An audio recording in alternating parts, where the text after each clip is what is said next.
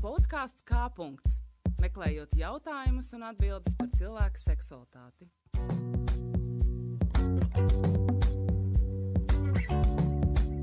Esiet sveicināti! Mani sauc Diana Kiščenko, un šis ir podkāsts kā punkts, kurā meklējam jautājumus un atbildes par cilvēku seksualitāti. Šīs epizodes centrā būs cilvēki, kuri dzīvo kādā Latvijas pansionātā.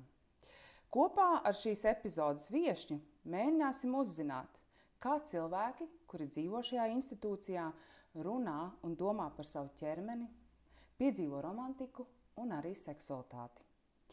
Tieši tāpēc uz šo sarunu esmu aicinājusi sociālo antropoloģi, Vīnes Universitātes doktoranti, kā arī Rīgas Stradiņu Universitātes vieslektori Annu Žabicku. Sveika, Anna!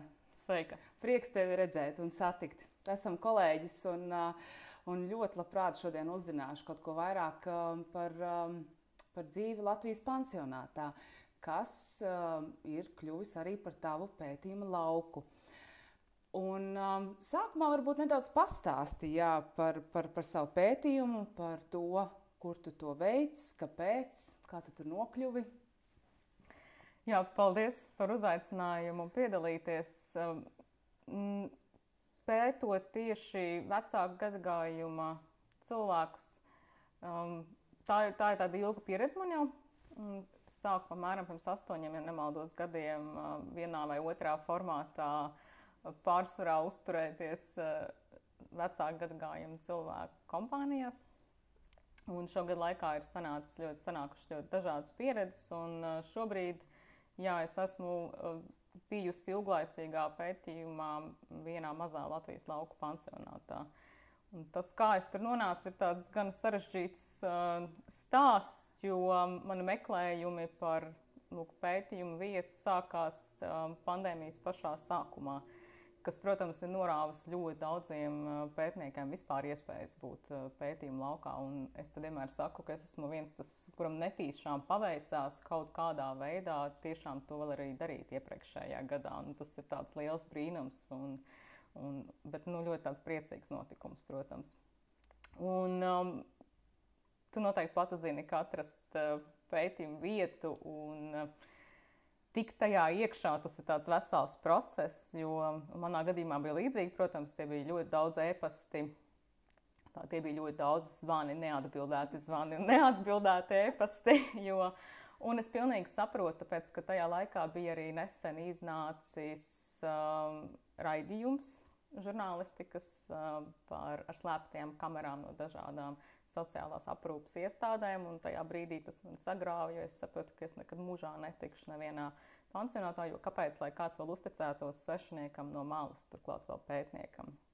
Uh, bet, un tad es izmantoju veco labo metodi, nu, kaut kādu paziņas, kaut kādu kontaktu man tomēr ir ar dažādām aprūpas iestādēm. Un faktiski, jā, caur, caur paziņu um, tiku vienā no pansionātiem, ja tur man pieņēma diezgan arī, protams, uzmanīgi sākotnēji, ko es pilnīgi saprotu. Vairāk pētnieks sākumā nav pelnījis kā, kā uzmanīgu attieksmi, bet tur arī izveidojās jā, šī pamatvieta, kurā es astoņus mēnešus pagājušajā gadā mm, dzīvoju. Bet es nevaru atklāt neko vairāk, kurā vietā, jo mm, es tiešām gribētu aizsargāt um, visus cilvēkus, ar kuriem esmu runājusies un dzīvojis kopā šo mēnešu laikā. Mm. Varbūt nedaudz īsumā par ko vismaz šajā brīdī, kā tev šķiet, kas ir tas, ko tu pēti, ko tu mēģini saprast? Es mēģinu saprast, man ir faktiski divas vai nu, trīs lietas, kas eh, saplūst kopā. Tā ir novecošanās pieredze, tā ir aprūpe un rūpju attiecības vispār, Un tas viss notiek uh, laukos, kuri pamazām tukšojas. Te es balstos un aizņemos no Dārsa Zenauskas, um, kura pēta tukšošanos. Un, um, nu jā, un es mēģinu šīs visas trīs lietas savīt kopā. Mm, es faktiski skatos uz vecāku gadu gājuma aprūpi kā tādu lēcu, caur kuras var ieraudzīt kaut ko vairāk. Proti, gan caur, es apzinos, teiksim, ka arī aprūpas attiecības var pētīt pašas par sevi, Un daļēji es to arī daru, bet mans tas fokus ir, ka, manuprāt, caur aprūpas attiecībām es varu ieraudzīt kaut kādus citus notiekošus procesus un, un pārmaiņas šajā vidē. Un tad, attiecīgi, man ir tādi trīs lieli fokusi. Viens ir, um, es mēģinu saprast uh, gan caur aprūpas attiecībām, gan, gan vispārīgi novecošanās pieredzes, konkrētajā vietā, ko tas nozīmē novecot un, un, un kādas ir šīs pieredzes. Tad, protams, par pašu pansionātu nozīmi lūk, laukos, kuri ir tukšāki kļuvuši iespējams nekā tie bija pirms gadiem 20. Un, un, jā, un, un, un kādus procesus tas, tas iezīmē, kāda šī pansionāta loma apkārtējiem cilvēkiem, ne tikai klientiem, bet arī dzēnu darbiniekiem, kas, kas tur strādā. Un tās būtu tās nu, jā, trīs lietas. Tātad aprūpe, novecošana un, mm -hmm. un konkrētā vide, konkrētos sociālo-politiskos un arī geogrāfiskos apstākļos. Tāda mm -hmm. miedarbība. Mm -hmm kādam varētu šķist, ka nu, kāda tur var būt romantika un seksualitāte un kur tur vispār ķermenis, bet um, pirms sarunas jau mēs um, mēs jau pārspriedām, ka ir gan, un, un, un ir ļoti interesanti šīs atziņas, eh, kas nāk jau no tava lauka darba. Bet pirms mēs pārējām uz, uz, uz to centrālo tēmu, nedaudz ieskicē, kas ir šie cilvēki, kas dzīvo šajā pansionātā, cik daudz aptuveni vismaz, tās tā vecuma, dzimuma struktūra. Mm -hmm. Tas ir salīdzinoši neliels pansionāts. Tas ir eh, pašvaldības, kas gan lielākoties nozīmē, ka uh, Viņš faktiski uztur un nodrošina pats sevi. Nu, tā, tāda ir tā kārtība. Uh, ir apmēram, plus mīnus tas skaits, protams, mainās, ir apmēram 70 uh, klienti, kuri lielākoties ir uh, vecāka gadagājuma, bet ne visi. Um, Zīmuma proporcija, proporcija, tagad es nevaru parunāt, ir, ir, ir ļoti īpatnēja kaut kādā ziņā. Un tajā pašā laikā atspoguļo, manuprāt, nu, tādu demogrāfisko um, situāciju Latvijā un arī dzimuma nevienlīdzības struktūras Latvijā. Jo pārsvarā ir gan nedaudz vairāk sieviešu nekā vīriešu, bet sieviešu vidējais vecums ir daudz augstāks nekā vīriešu. Um, jā, skaitliski pat varbūt apmēram vienādi, bet vīrieši ir daudz, daudz jaunāki. Un, protams, tas nozīmē, ka ir arī kaut kādas atšķirīgas veselības problēmas. Ja? Bet mēs varam redzēt, ka šīs dzimuma nevienlīdzības veselībā visticamāk, un arī iespējams kaut kādā sociālajās attiecībās. Kāpēc mums ir? Nu, mēs varam uzdot jautājumu, kāpēc mums ir daudz vairāk sieviešu stipri gados, pāri 80 un 90 gadiem, un tikai viens kundziņš, kuram ir 86, um, piemēram, un pārējie 70, plus 60. Uh, plus, ja. mm. Mm. Bet kas ir tie cilvēki, ar kuriem tu dzīvoji kopā, ar kuriem tu pavadīji laiku, runā, runāji? Kas, kas, kas tā bija par vecumu grupu, 70, 80, 90 vai arī nedaudz jaunāki? Um, pārsvarā es teiktu, ka tie ir 70, 80, 90. Un tur, protams, dzīvo arī cilvēki, kas ir uh, stipri gados jaunāki, 40, plus, 50, plus, kuriem varbūt uh, kāda garīga rakstura uh, traucējumi. Viņi nav daudz tur, bet viņi tur ir. Un, protams, ka viņi arī ir, ir šajā kopējā vidē, un mēs komunicējam. Un, uh, Bet pārsvarā, protams, tie bija jā, 70 um, un uz augšu. Mm -hmm. Ar kungiem vairāk 70, plus, tātad ar dāmām vairāk 80 un jā. 90. Plus. Un noteikti vēl viens tāds uh, kontekstu um, veidojošs uh, jautājums, lai mēs varam pāriet uh, pie šīs epizodes centrālās tēmas.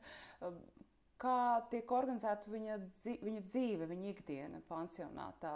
Nu, tas, manuprāt, arī ļoti svarīgi, lai mēs varētu tālāk turpināt sarunu. Jā, cik, cik liels ir istabiņas, vai viņi ir, uh, dzīvo vieni paši vai kopā, un, un kā tā diena tiek vadīta. Mm -hmm. Pirmkārt, viņiem ir uh, faktiski divas ēkas. Uh, vienā, vienā, ēkā, vienā ēkā dzīvo cilvēki, kuriem varbūt ir mazāk kustīgi, izņemot augšējo stāvu, kur savukārt ir mazliet kustīgāki. Uh, Un tad otrā mājā, kurā nav teiksim, mēdnīcas un tādas kopējās telpas, dzīvo kustīgākie, tātad varošākie, nu, kuri var aizstaigāt tos mazos gabaliņus, kuriem ir labi un veselīgi pastaigāt teiksim, šos mazos gabaliņus uz ēdnīcu un teiksim, uz filmām, kad viņi nāk un tā tālāk.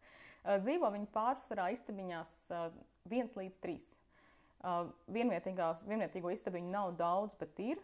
Un tajās parasti dzīvo cilvēki, kas vai nu pansionātāji pavadījuši jau ilgu laiku, un ar kuriem kuri kaut kādā ziņā ir pelnījuši.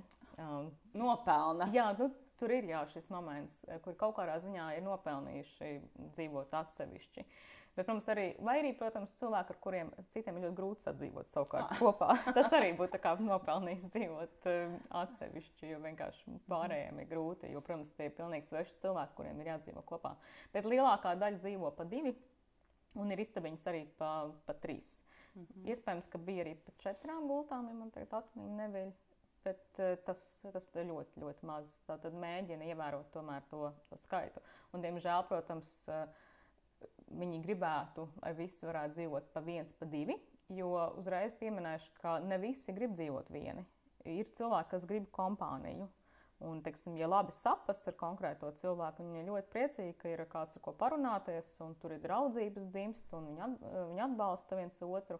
Tā kā nav tā, ka pilnīgi visi gribētu dzīvot vieni. Un, protams, ka arī pats pat pansionāta vadības saka, protams, ka ideāli būtu, ja būtu viens un divi un ne vairāk, bet uh, tur ir jāsaprot, ka tie apstākļi gluži vienkārši to nepieļauj finansiāli, jo tas pansionāts nodrošina pats sevi faktiski. Mm -hmm un ķeroties pie mūsu vienas no centrālajām tēmām par ķermeni.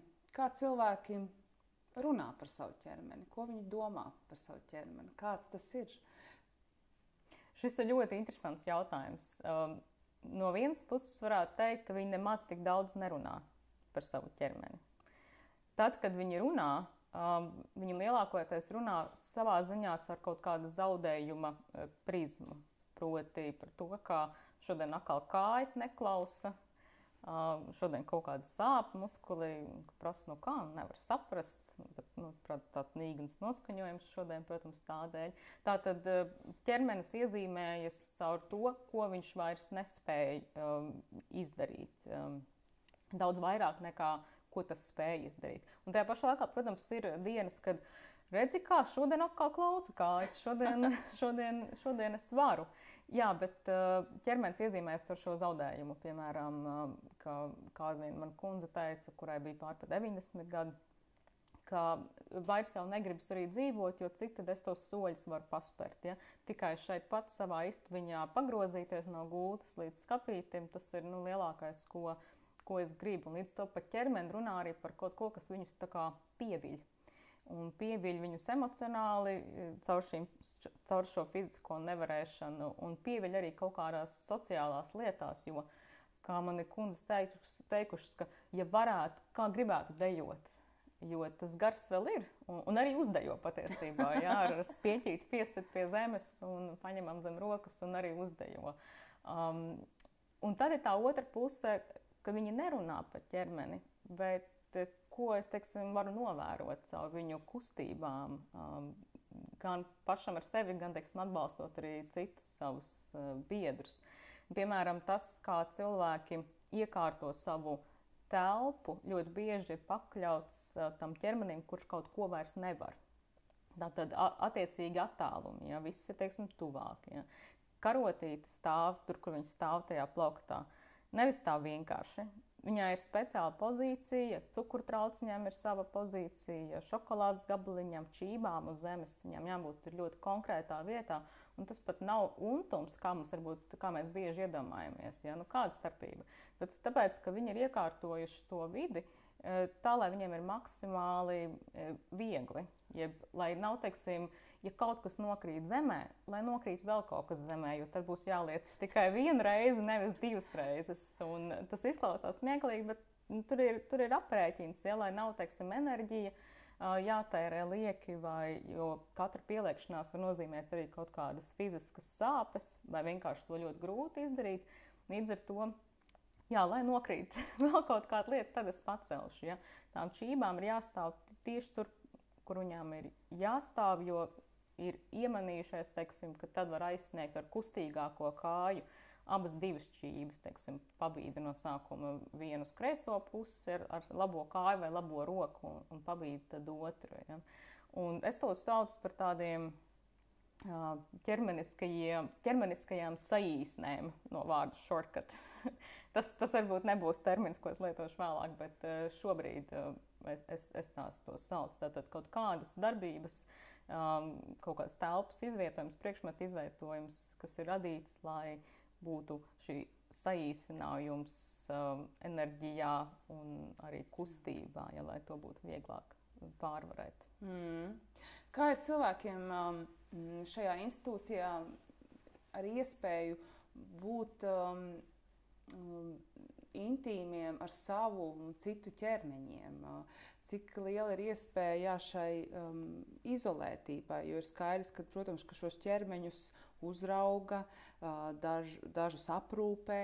Uh, jā, cik, uh, cik liela iespēja ir šādai jā, mm -hmm. ķermeņa, ķermeņa privātumam? Jā, nu, tie, kas dzīvo vieni, tiem, protams, tā ir daudz lielāka šī iespēja uz privātumu. Tie, kas uh, dzīvo pa divi un pa trīs, protams, tā strauji samazinās. Jo tas, manuprāt, kas ir svarīgi, protams, ka visās šāda veida institūcijās uh, no cilvēka priekšplānā faktiski izvirzās ķermenis ļoti bieži. Jo tā ķermeniskā aprūpe gluži vienkārši paņem ārkārtīgi daudz laika un spēka klientu ir daudz, aprūpētāju ir apmēram divas, divas trīs uz šo skaitu. Ja? Un, un tad, tiksim, tad, kad ir vannas dienas, nu, ļoti daudz laika aiziet uz, uz vienu cilvēku.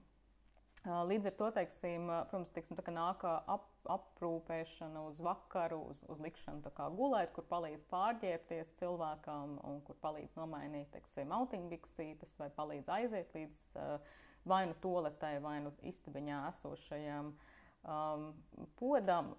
Tur, protams, privātuma robežas, ja dzīvo divi vai trīs, stipri e, pazūd. Um, ir, protams, aizslietņi, ko var lietot, e, bet uh, tas arī prasa laiku. Darba ir daudz, cilvēku ir daudz, un tas vienkārši nu, palēnina to visu procesu. Un, protams, ka ķermenis šajā brīdī nu, tiek pakļauts kaut kādam publiskajam um, skatam. Nu, man bija situācijas, kur teiksim, es teiksim, runājos ar cilvēku, un aprūpētājs nāk uz vakarmāju pārģērbt. Es gluži vienkārši izēju laukā, bet nevis tāpēc, ka man ir nērti, bet man liekas, ka man, nu, es neesmu sarunājies ar cilvēkiem, ka es tagad atradīšos tur. Iespējams, ka viņiem nebūtu iebildumu, bet uh, man kaut kāda pētnieciskā ētika man to neļāva. Es vienmēr izgāju laukā, atļauju gan aprūpētājiem izdarīt savu darbu, gan arī teiksim, tam cilvēkam saglabāt uh, kaut kādu savu privātu. Un pēc tam es teiksim, atpakaļ eh, runāties ja, ar cilvēkiem, kuriem man ir labas attiecības.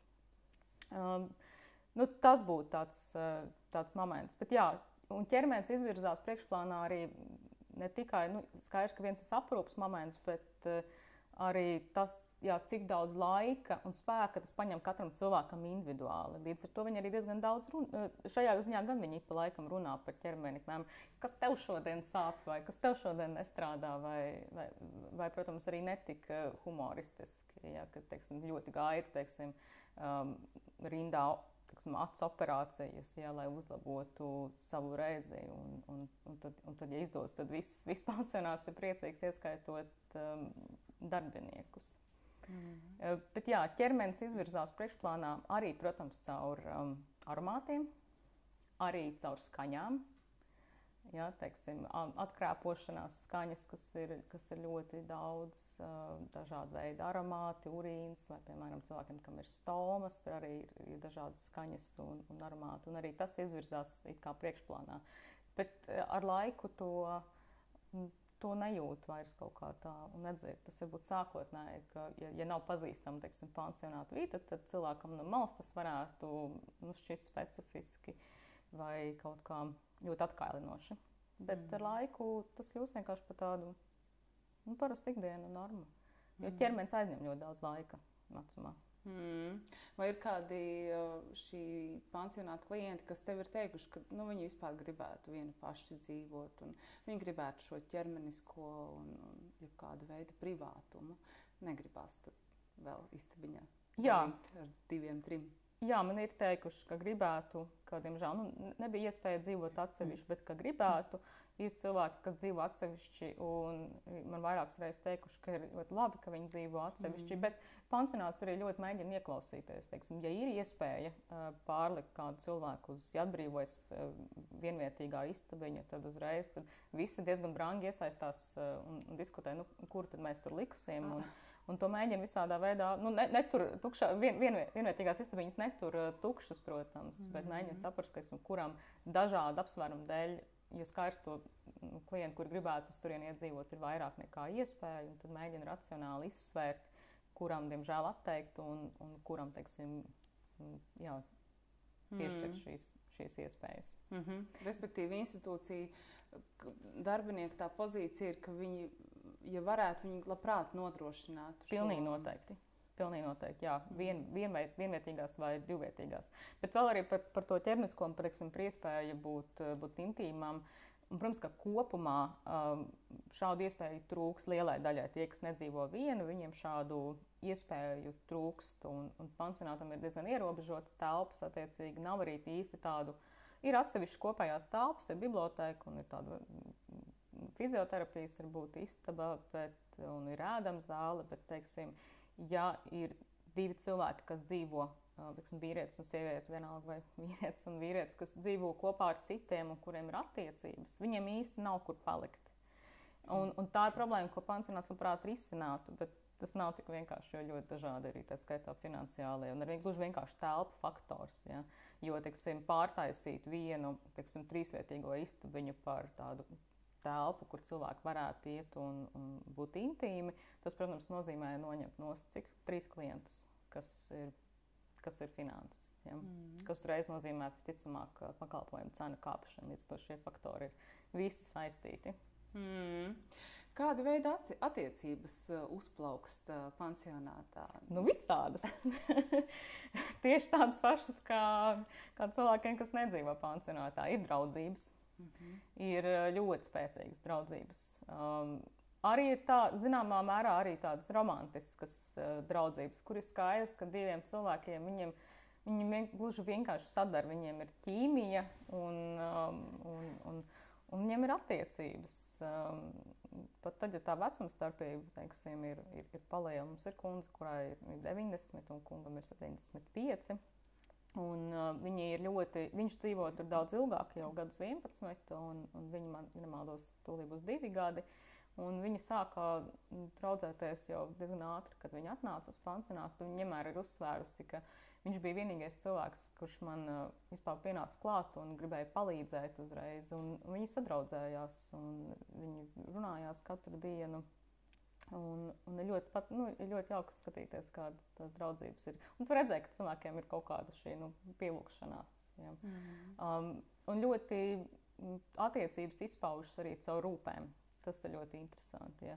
Uh, nu, kādā veidā tu vari pateikt otram, ka viņš tev ir svarīgs. Nu, tāpat kā līdzīgi kā vispārēji ārpus pansionāta dzīvojošie. Tās ir rūpes, tā ir vēlme iepriecināt, piemēram, uztaisīt dzimšanas dienas galdu. Uh, ar maizītēm un konjaciņu un, un, un svētkiem um, pasvinēt kopā, kaut ko uzdāvināt, pajokoties, paķircināties, pakaitināt, sastrīdēties, tad domāt, nu, jāiet nolūkties, laikam.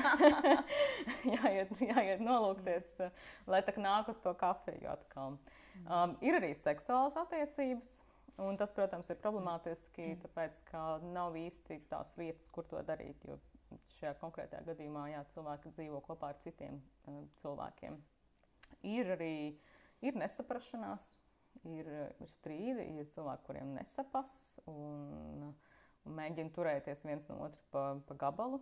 Uh, pilnīgi tādas pašas attiecību dinamikas kā jebkurā mm. citā vecuma posmā. Mm. Es teiktu. Jā. Kā viņi risina šīs, kādās telpās, un vai tas ir, ja ir no dažādām istabiņām šie cilvēki, viņi tad iet viens pie otra, katrs uz savu istabiņu, vai viņi mēģina, ja ir siltāks laiks, būt iet kopā ārā vai kādā kopējā telpā, un kur, viņi, kur tad viņi veido šajā šajā fiziskajā telpā šīs attiecības. Jā, uh, ārā līdz ar to ziema vispār nāca ar tādu, nu, tā bija tāda augsta un gara ziema, ar tādu mazliet ieslodzījuma sajūtu. Nu, vēl papildus tam, ka ir karantīna visu laiku tur bijusi, ja, visus šos mēnešus. Um, jo kā kļūst siltāks laiks, tad cilvēki cenšas iet laukā. Jā, jau arī man minētais uh, pāris, uh, kur ir draugi, es negribu definēt viņu attiecības. Uh, nekādā veidā. Es nezinu īsti kādas, bet tas, ko es redzu, viņi iet ārā, viņi iet staigāties. Un uh, dienās, kad ir slikts laiks vai ziemā, uh, viņi iet viens pie otra. Pārsvarā kungs nāk pie, pie kundzes, tāpēc, ka viņš ir kustīgāks. Tur arī šis aspekts, tas ķermeniskais parādās, teiksim, kaut kāda attiecība dinamika. Uh, kā viņi viens otram palīdz un kā viņi viens otram asistē, arī ķermeniski un tiksim, kurš pie kura ies ciemos. Jo, piemēram, kungam um, ilgu laiku bija slikta uh, redze. Viņš gaidīja rindā uz uh, operāciju, un tad viņa un arī viņas istabas biedrene faktiski kļuva par viņa acīm kaut kādā ziņā. Viņš gan ļoti labi orientējās telpā, nu, viņš pārzināja tās telpas, viņš zināja, cik soļi līdz stenderei un, un cik, teiksim, līdz durvīm, bet viņas vadīja viņu, teiksim, sakot, ka vēl drusciņi, vēl drusciņi, tagad pa kreisi. Vai, piemēram, bet viņš ir kustīgāks. Teksim, viņš ir tas, kurš atnes teikanu ūdeni pielietu. Bet viņas mēģina viņu kā diriģēt, kur, kur iet, vai teiksim, noliek krūziņu ar, ar, osiņu tā, lai viņš uzreiz var paņemt, lai viņam nav jātaustās. Mm. Un te pašā laikā viņš teiksim, palīdz viņai pārvietoties, kā mazliet balsta viņu tīri, nu, tā, pozīcijā, ja, vai, vai atbalsta, lai, lai ir stingrāks solis eh, pie mm. zemes. Līdz to ir tās rūpes parādās arī ar šiem ķermeniskajiem aspektiem, kā viņi viens otram palīdz asistē un mēģina kompensēt kaut ko, kas, kas viņus pieviļ, teiksim, ikdienā. Mm. Vai tev ir kāds, eh, kāds stāsts, kāds piemērs, kā cilvēki mm, mēģina atrast šo intimitāti un tuvību uh, paši ar sevi, no citiem cilvēkiem, jā, caur tādu seksuālu aktu. Vai ir kādi, kādi jā, un kā vispār, nu, droši vien, ka tas viss ir ļoti redzams, un tāpēc droši vien arī zina, ka kaut kas tāds notiek. Jā, jā um, mums ir pāris tur, un to visu zina tieši tāpēc, ka tas ir redzams. Tādēļ, ka nav īsti tās vietas, kur nu, viņiem aiziet. Ja. Un, un, un to visu uztver pilnīgi normāli. Um, varbūt ne gluži grib uzskriet virsū, jo tas ir nērti visiem iesaistītajiem. Uh, bet saprotu, ka tā, tā problēma ir nevis tas, ka cilvēki vēlas nodarboties ar seksu, bet problēma ir vienkārši telpas nesamībā. Es jau ieskicēju tiksim, problēmas ar, ar telpām. Ja. Ko labprāt, iespējams, pat risinātu.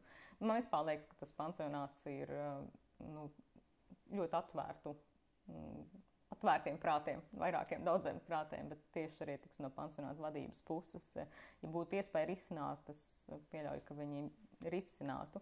Um, es, protams, nezinu, tik smalki iespējams, ka um, nu, es neesmu saskārusies teiksim, ar, ar viedokli, ka viņiem to nevajadzētu darīt. Es pieļauju, ka ir. Es pieļauju, ka ir cilvēki, kuriem arī tur strādājuši, man liekas, ka viņiem to nevajadzētu darīt, bet, eh, bet tas tik un tā notiek. Nu, to, nu, tas vienkārši notiek. Mēs varam, protams, ignorēt to, mēs varam kaut kā mēģināt nosodīt, bet tas jau nemainīs to lietas būtību. Mm. Mm -hmm. Mm -hmm. Kā vispār cilvēki, vai viņi vispār runā par, par attiecībām, par seksualitāti, par romantiku? Ļoti. Oh. Ko viņi labi stāsta? Ļoti runā. Protams, kā kurš, bet uh, ir, ir tādas kompānijas, kur, uh, kuras tiekās un par attiecībām runā ļoti daudz. Uh, gan par, um, gan par pieredzēm, gan par, par pagātni, par, uh, par šķiršanos, par uh, laulību, par, uh, par vienzimumu laulībām, jo pēc satversmes tiesas sprieduma mm, tas bija arī tāda aktuāla tēma. Ne jau, protams, visu klientu starpā, bet ir tādi, kuri ļoti mēģina uzturēt to savu garu tieši caur sarunām viens ar otru.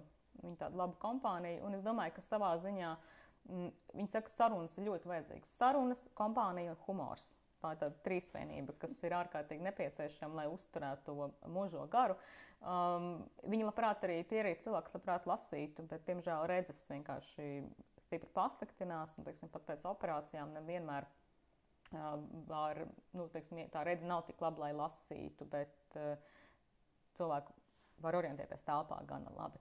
Līdz ar to, jā, par attiecībām ir kompānijas, kas runā ļoti daudz un ir padomi, kā rīkoties dažādās situācijās. Piemēram, varbūt atceries kādu. Ko, um, ko viņi iesaka viens otram? Viena kundze vienai citai reiz uh, ieteica, ka e, vienai no kundzēm vīrs dzīvo citā pansionātā. Tur tā ir sanācis, ka viņš aizgāja pirmais uz pansionātu, un, un tad viņa. Un viņi nav redzējušies, ja nemaldos, vismaz divus gadus. Viņi pat nav sazvanījušies uh, divus gadus, jo viņiem nav pieejami telefoni. Un tad, un tad radinieks viņus abus divus aprūpē un, un arī nosaka šo finansiālo starpību starp pensiju un pakalpojumu cenu. Bet um, viņi dzīvo kopā ar tādu brīnišķīgu cilvēku. Man ārkārtīgi patīk, ļoti spēcīga uh, sieviete, kurai viņa teica, viņa saka, nu, ja tev kādreiz kāds iepatīks šeit, Mēs varam par to parunāt. Es tev izstāstīšu. Nu, dažreiz tā ir, ka patīk kāds ārpus laulības. Nu, kurš nav tavs vīrs. Bet, uh, man te būs pāris padomiņi. Padomiņas es nedzirdēju, bet, bet um, saka, tas nekas. Jā, nu, kā, un viņi arī uzsver, bet es gan gribētu redzēt to tavu vīru. Es gribētu redzēt, kā viņš izskatās, ko tu ar viņu sadarīji savā dzīves laikā. Mm -hmm. um, tā kā arī, protams, um, caur humoru. Bet jā, viņi ir diskutējuši par vienas laulībām. Ko viņi labi sa saka, kāds ir viņu redzējums un viedoklis um, par, par satvērsmes tiesas lēmumu? Jā, viņi, viņi teica, ka viena no šīm kundzēm teica, ka jūs zināt, ka citās valstīs vīrietis ar vīrieti var, piemēram, precēties. Nē, nu dūli jau tas ir, dūli jau tas ir. Nē, bet no otras puses, nē, nu, kāpēc gan ne? nu, ļoti atvērts. Bet uh, es pat nezinu, es nezinu, kāds ir viņu uzskats. Man arī nav svarīgi par, um, teiksim, par homoseksuālām attiecībām. Bet man liekas, ka tās sarunas, tā, viņi runā par, gan, gan par satversmes tiesas spriedumiem, gan par vienzimumu laulībām um, vai partnerattiecībām, gan par savām attiecībām, pagājušajām un esošajām. Man vienkārši liekas, tas tāds nu, dzīvīguma un dzīves apliecinājums. Mums liekas, ka nu, vecumdienās pansionātā tur ir tikai nāve, nolemtība. Nu, nav tikai nāves un nolemtības. Tur ir arī ļoti daudz dzīves. Jā, protams, ka tā dzīve ir nedaudz citādāka. Mm. Tur tas ķermeniskais aspekts um, izvirzās teiksim, priekšplānā ļoti daudz. Bet tur ir ļoti daudz arī uh, sirds aspekta un, un prāta aspekta un šī sociālo attiecību aspekta, to, kā cilvēki mēģina pa, paši sevi uzturēt um, tādu garīgi veselu, apzinoties teiksim, savas problēmas, apzinoties arī to, ka prāts arī pieviļ. Um, ik pa brīdim, ja, tātad situacionāli vai arvien vairāk, vai ka ķermenis pieviļ. Bet viņi runā par attiecībām, jo nu, nu, mēs esam attiecības kaut kādā ziņā. Līdz ar to tur šīs sarunas ir un, un var redzēt arī skaistas draudzības un, un arī skumjas, teiksim, kad kādam ir slikti kļuvis un ir aizvests uz slimnīcu, un otrs uztraucās par savu mm. istabas biedru, un kad nāks atpakaļ, un, un, ir, un, ir, un ir asaras, un ir pārdzīvojumi. Tā kā tur izveidojas arī uz vietas, protams, jā, draudzības. Mm. Vai ir kādi pāri, kas ienāk kā pāri pansionātā? Es neesmu piedzīvojis, bet esmu dzirdējis stāstu. Stāsts ir tāds, ka ienāca pāris vīrs ar sievu Un pansionāts, protams, viņus ielika divvietīgajā numuriņā. Nu, izkārtoja tā, lai viņi varētu būt arī kopā, kas ir pilnīgi loģiski. Pēc nedēļas abi lūdzās vadībai, lai Dievs pasargā viņus liek atsevišķi. Jo viņi izrādās, ka viņi gadus desmit vai pat divdesmit. Viņi dzīvo vienā mājā, bet katrs savā mājas galā un vispār nekomunicē. Un, mazliet ciest nevar viens otru.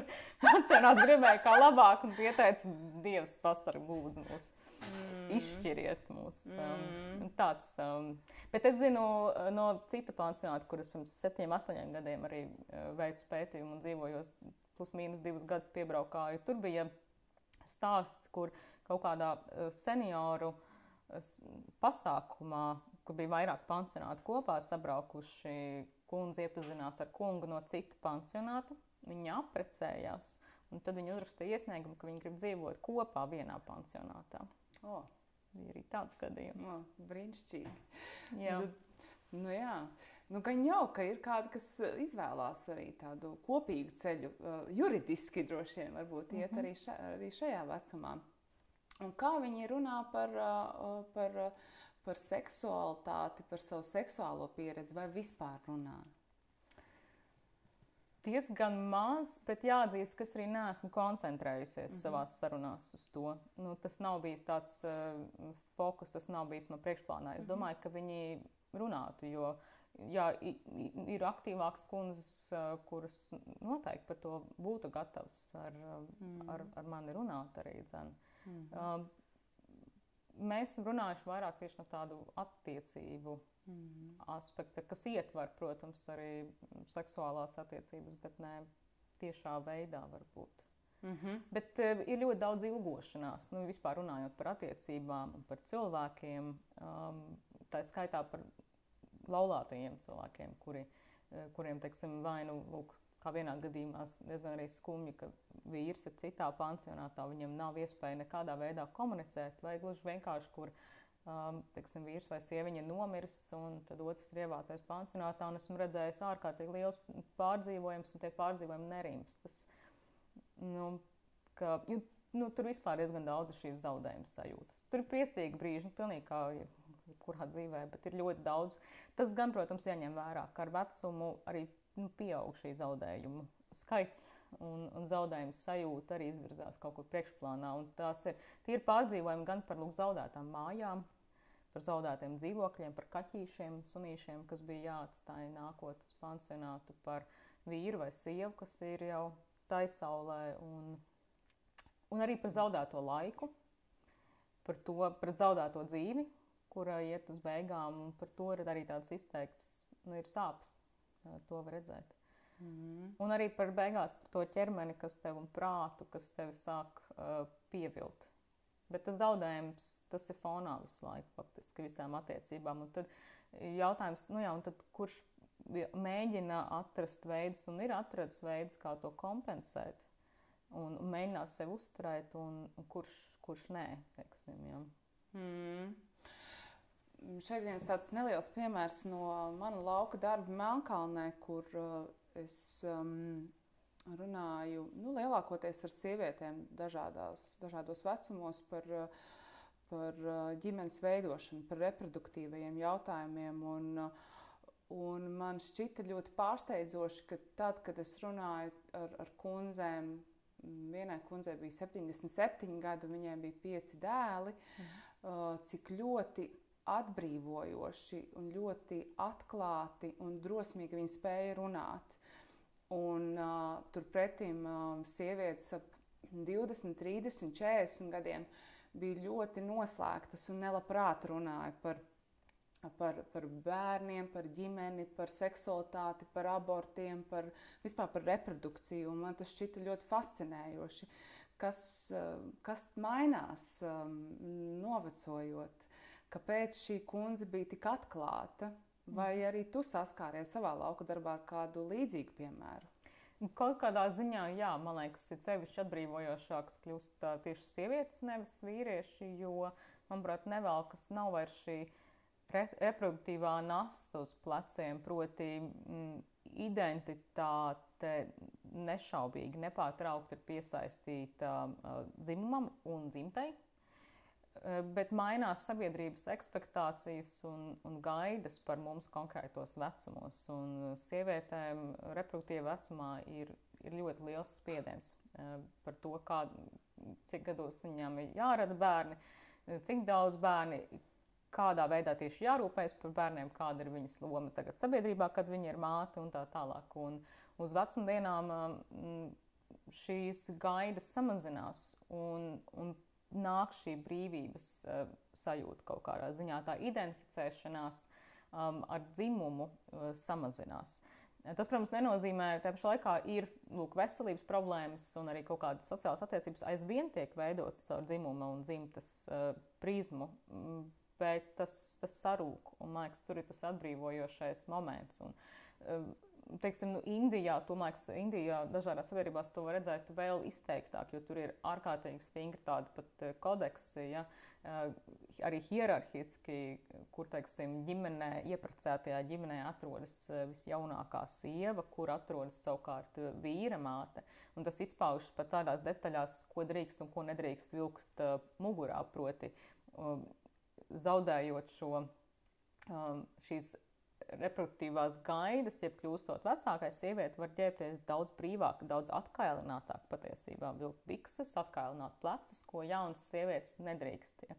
Jo tad viņas kārdina, tad viņas uh, vilina.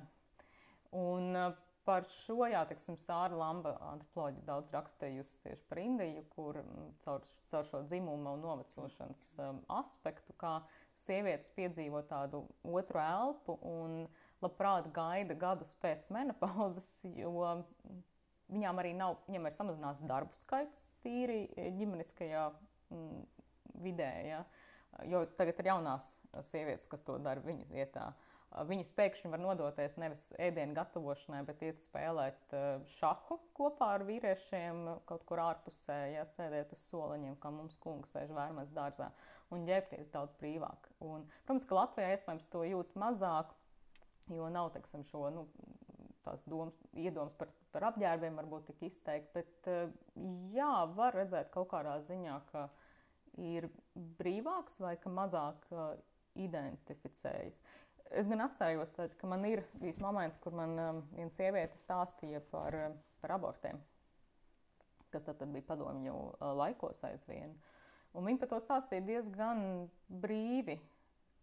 Viņai ir bērni, Bet nu, bija tiksim, tāda dzīves situācija, kur um, nevarēja vairāk parūpēties. Viņa par to stāstīja ļoti brīvi. Tur nebija, es nejūtu nekādu tiksim, kaunu sajūtu vai, um, vai arī kaut kādu, ka tas ir kaut kas intīms, ārkārtīgi un, un sargājams. Uh, viņa dalījās to, ka nu, tā bija fakts. Un, un, paldies, un viņa gan minēja to, ka paldies Dievam, ka tas bija pieejams.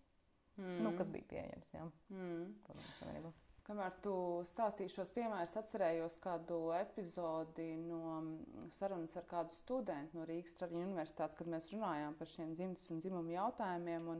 Viņa atzinās, ka viņas mamma uh, uzskata, ka viņa vairs nav sieviete, tāpēc ka viņai ir izņemta dzemde. Uh mhm. -huh. Un tas man šķita tik ļoti, nu, ļoti šokējoši, protams, bet kā šīs uh, bioloģiski determinētās robežas, kā viņas. Uh, citiem cilvēkiem uzreiz ietekmē to, kā viņi identificējas vai neidentificējas. Jā, es domāju, ka tas ir ļoti individuāli. Es esmu saskārusies ar šādiem um, gadījumiem, kur tāda izņemta dzemde un ir sajūta, ka nu, tu īsti vairs neiedaries, ka tu īsti vairs neesi sieviete. Esmu redzējis arī pretējs uh, gadījums, piedzīvojis gadījums, kur sieviete teikusi, ka tas viņu ir atbrīvojis Mm. Tieši atkal šī momenta dēļ, ka nav, nav nekādu gaidu mm, par, par viņu, uz viņu uzliktas um, un tā tālāk. Bet um, es pansionātā redzu, jā, ir cilvēki, kuriem teiksim, šis dzimtas aspekts tiešām varbūt ir samazinājies tieši sievietēm. Un, un tā pašā laikā ir, ir, ir kurām arī saglabājas kaut kādi momenti. Viņas grib labi izskatīties, mm. viņas grib uh, pieķemmēties.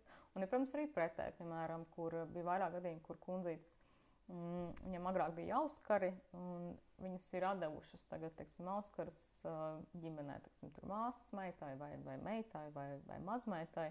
Un es pat piedzīvoju vienu tādu brīdi, kur vienā dienā ir auskariņa, otrā dienā nav auskariņa. Es prasu, nu, kur ta palika? Es saku, nu, man jau, nu, man jau vairs nevajag.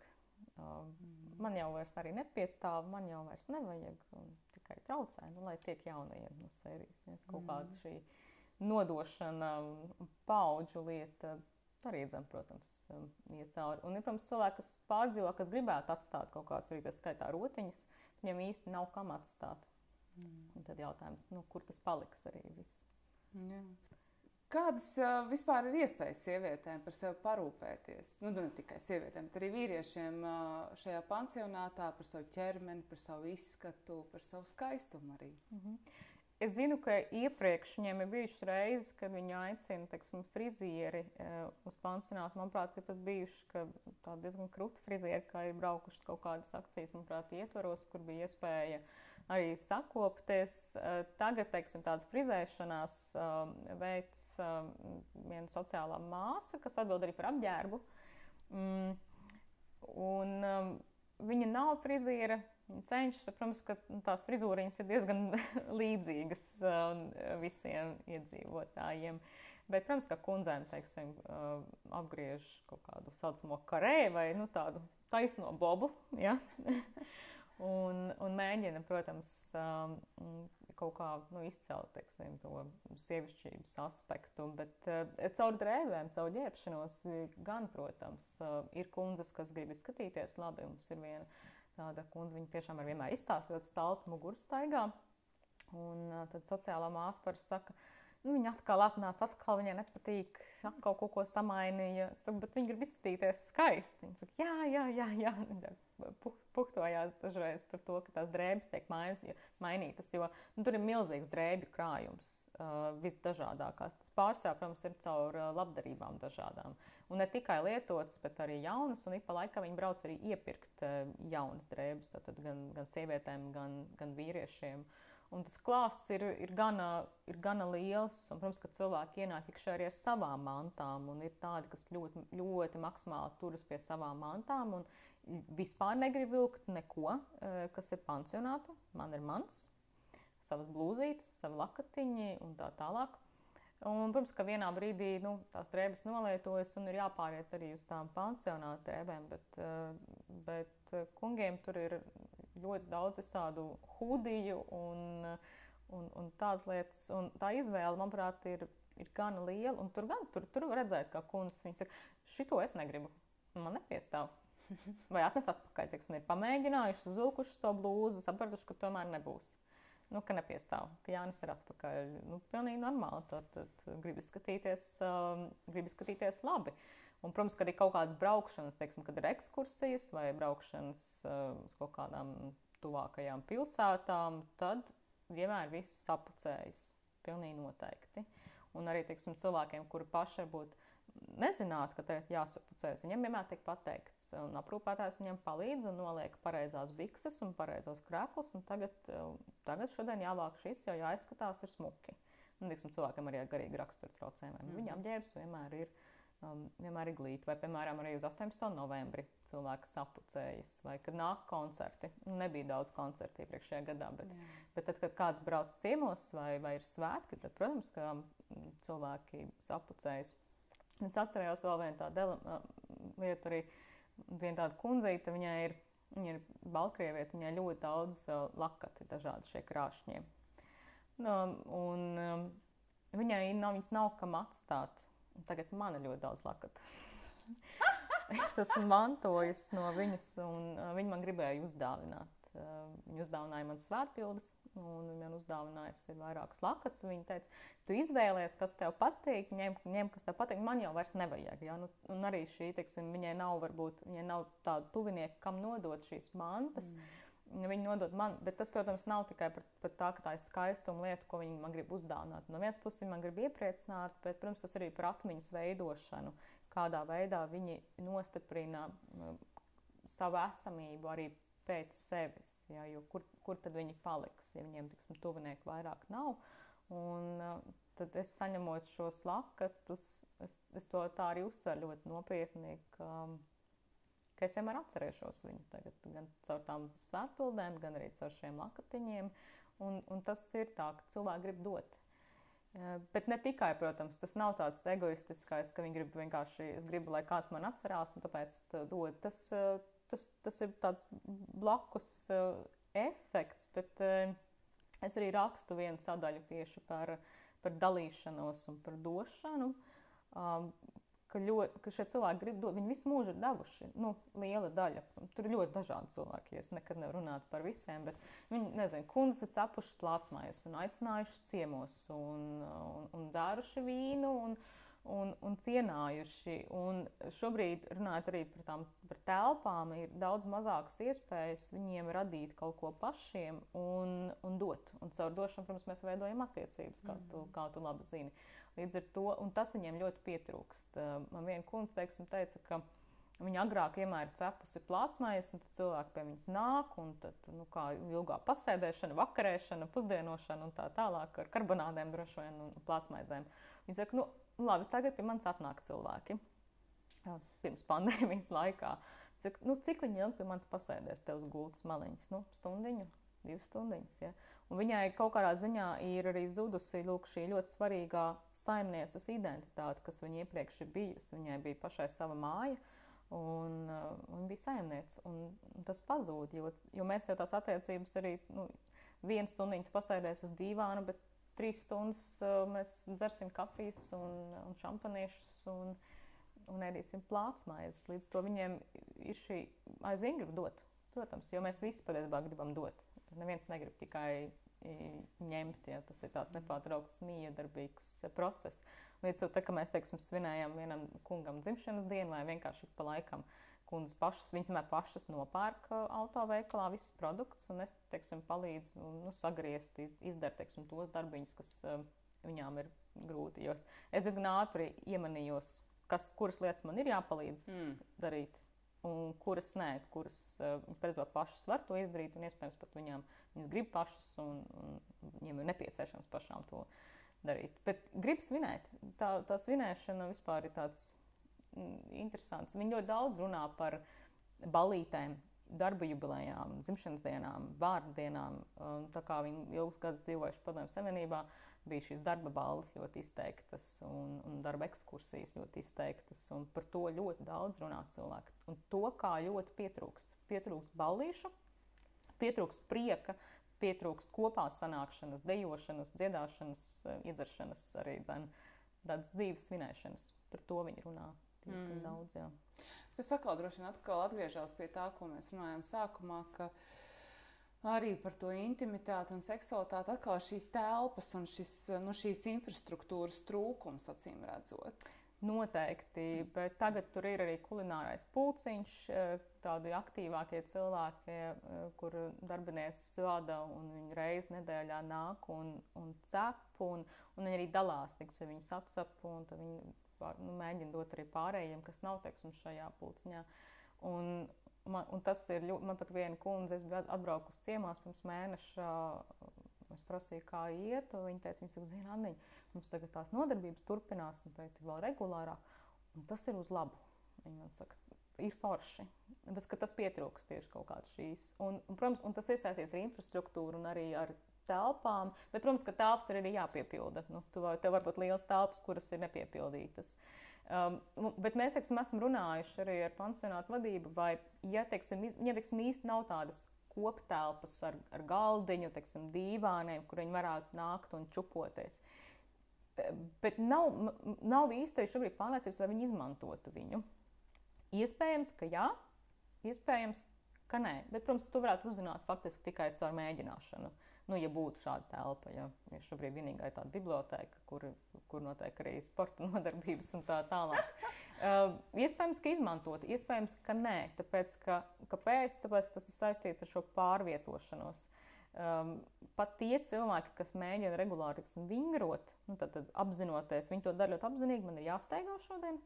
Vai, ja nevar ārā iet pa gaiteni šurp tur, lai kustinātu savus locekļus, tajā pašā laikā, protams, kaut kādas uh, attālums viņa limitē un, un, un ne, neieteiksim. Ja? Uh, jo, piemēram, ja cilvēks ir ratiņkrēslā, tad tu pie viņa var atnākt. Bet, ja mēs, ja mēs visi iesim uz kopējo istabu, tad kādam jāatver tas, kurš ir ratiņkrēslā. Un tur sākas šāds veids, bet es pieļauju, ka tāda istaba būtu laba, jo kaut kāda kompānija iespējams tur novāktos. Iespējams, ka nē. Mm. Nevar zināt. Jā. Vēl arī interesants šķita tas, ko tu teici par uh, to, ka tu ļoti ātri saprati, uh, tad, kad uh, kundzes veidoja šīs jubileju ballītes, kas ir tie darbi, nu, kur, kur tu vari iesaistīties un, un palīdzēt. Jo droši vien, ka bieži vien mēs domājam, ka nu, mums viss ir jāizdara šo, šo cilvēku vietā, bet tādējādi mēs droši vien arī ļoti daudz atņemam viņiem no tām ļoti ierobežotajām iespējām, kas viņiem ir. Ja, piemēram, sieviete ir bijusi tā, kā tu teici, saimniece savā mājā ar plātsmaizēm un, un ballēm, viņai jau vēlas izpausties, mm. viņa jau vēlas darīt savās iespēju robežās, cik tas ķermenis, tā telpa, infrastruktūra ļauj. Un, un, manuprāt, tas arī ir tāds mūsu līdzcilvēku atbildība un uzmanīgums pret šiem cilvēkiem. Pilnīgi noteikti, bet tu pareizi teici, tas prasa uzmanību un tas prasa laiku. Um, tiksim, kas, teiksim, aprūpētājiem bieži vien nav. Nu, teiksim, daudz, bieži vien daudz ātrāk ir, ja tu cilvēku pabaro nekā viņam ļauj ēst. Lai gan viņas brīnišķīgi paši zina, ka būtu jāļauj viņiem ēst pašiem, pilnīgi visiem. Bet dažreiz uh, to nedara, tāpēc, ka tas laiks, viņu ir maz uz to skaitu un jāpabaro un pārējiem ēdienas dzīves, nu, teiksim, tādas detaļas. Bet jā, tas prasa uzmanību, piefiksēt, kas ir tas, ko viņi patiesībā var un ko viņi arī grib darīt. Jo tieši tā, to kustību, tas, ko viņi var veikt, samazinās. Un, Līdz ar to viņi liela daļa priecājas par tām kustībām, ko viņi var veikt. Mums nevajadzētu nozagt viņiem šo, šo prieku, teiksim, ieliet. Bet vajag vienkārši ieklausīties.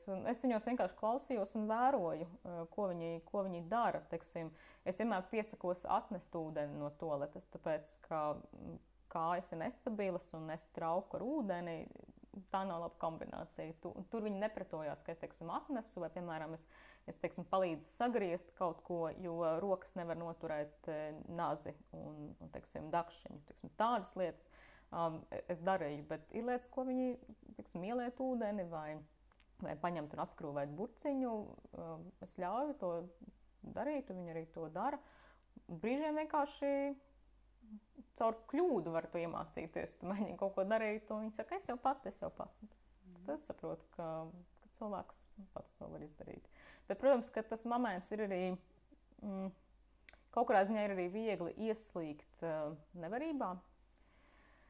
Um, var, protams, varētu lietot terminu slimnieka loma, bet uh, tas ir drusciņi tā, ka pārstāvja drusciņi tā novecojis. Bet, protams, ka cilvēks tajā brīdī, kad viņam ir sevišķi, kad viņš vēl, teiksim, mēģina sadzīvot ar traumu, piemēram, ar insultiem. Tur ir ļoti daudz cilvēku ar insultiem, ja, kas ir, nu, tā ir milzīga trauma cilvēkam. Pēkšņi ir ļoti daudz lietu, ko tu nespēji izdarīt. Um, un tad saprast, ko cilvēks var un ko viņam vajadzētu darīt, nu, tā, protams, ir tāda miedarbība un saruna ar to cilvēku, bet tur arī kaut kāds, dažreiz tas ir piespiešanas moments, bet ar, labām, ar, ar labu nodomu, nu, mēs zinām, ka tu pats vari izmazgāt to krūzīti. Mēs zinām, ka tu pats to vari izdarīt. Dari to.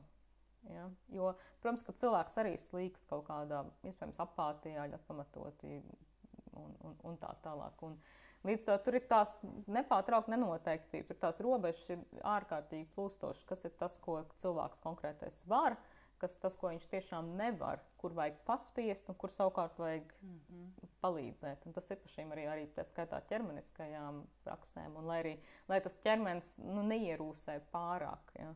Bet ļoti, nu, ļoti interesanti un, un, un fluīdas tās attiecības ir, jo, protams, nedrīkst arī spiest darīt. Uh, cilvēks vienkārši pat negrib. Un, nu, ļoti interesanti, protams, tā vērot. Ļoti sarežģītas attiecības ir uzturētajā aprūpē. Mm. Noslēdzot mūsu sarunu, tāds uh, plašāks jautājums. Kā šo cilvēku iespējas, pieredze un redzējums uh, ļauj mums vispār uzzināt un saprast uh, par to, kā mēs vispār sabiedrībā domājam uh, par ķermeni, seksualitāti, romantiku, nu, kas ir tie, tie iekārojamie ķermeņi un, un kurš, kurš, kurš var iekārot. Jā, ko, mēs, ko mm. mēs uzzinām? Es domāju, ka diezgan daudz mēs varam uzzināt uh, caur šo cilvēku pieredzēm un stāstiem. Noteikti par, um, par iekārojamību.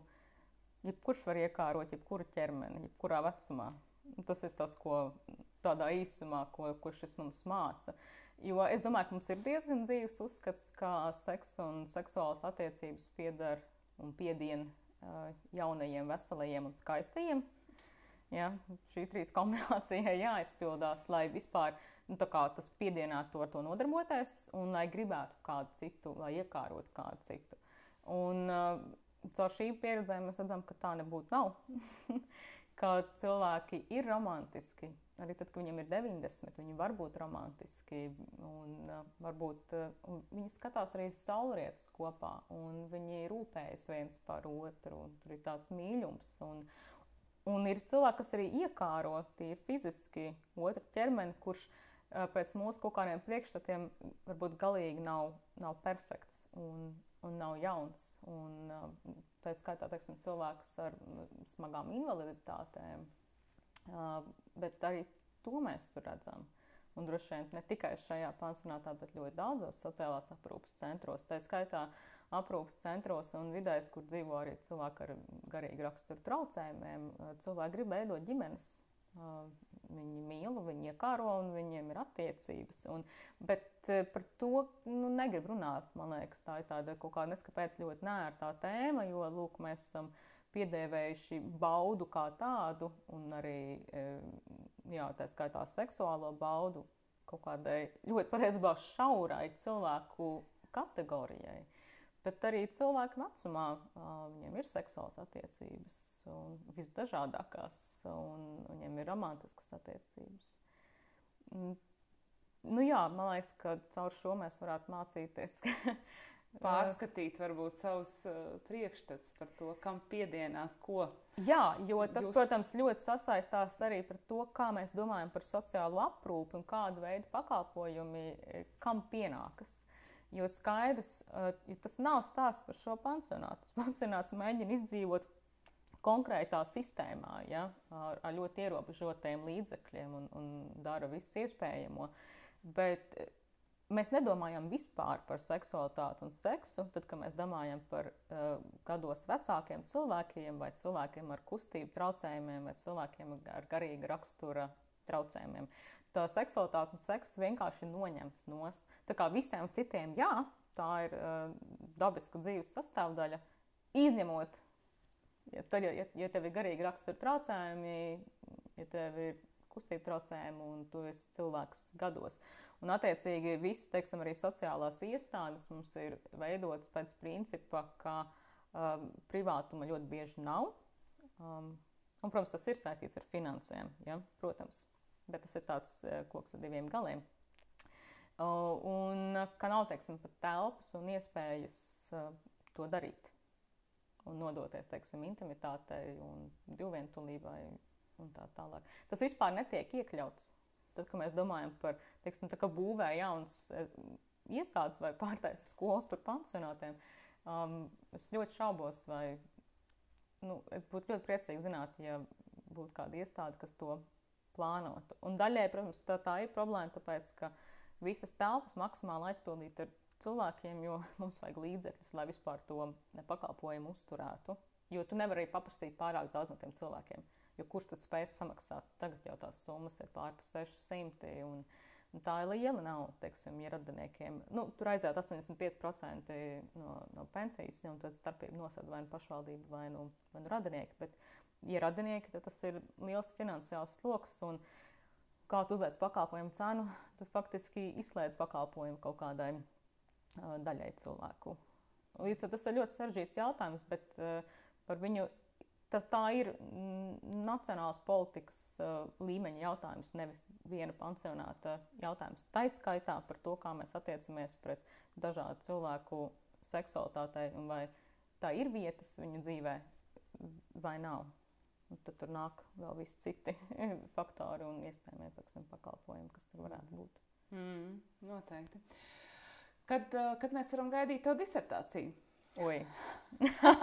šis, uh, šis nepatīkamais, neuzdodamais jautājums. Stulbais jautājums, ko taču neuzdod doktorantiem. Pēc dažiem gadiem.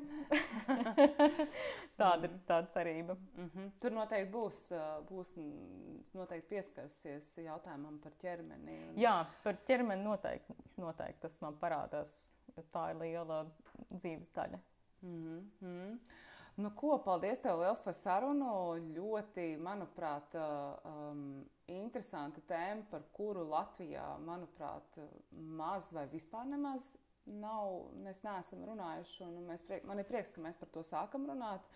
Un, um, un neatvēlam uh, romantiku, seksualitāti un seksu tikai, tikai ļoti šauram uh, cilvēku lokam, bet uh, skatāmies uz to plašāk. Uh, Un, jā, lai, lai, lai cik es saprotu, tev pašlaik noslēdzās tavs uh, lauka darbs. Jā.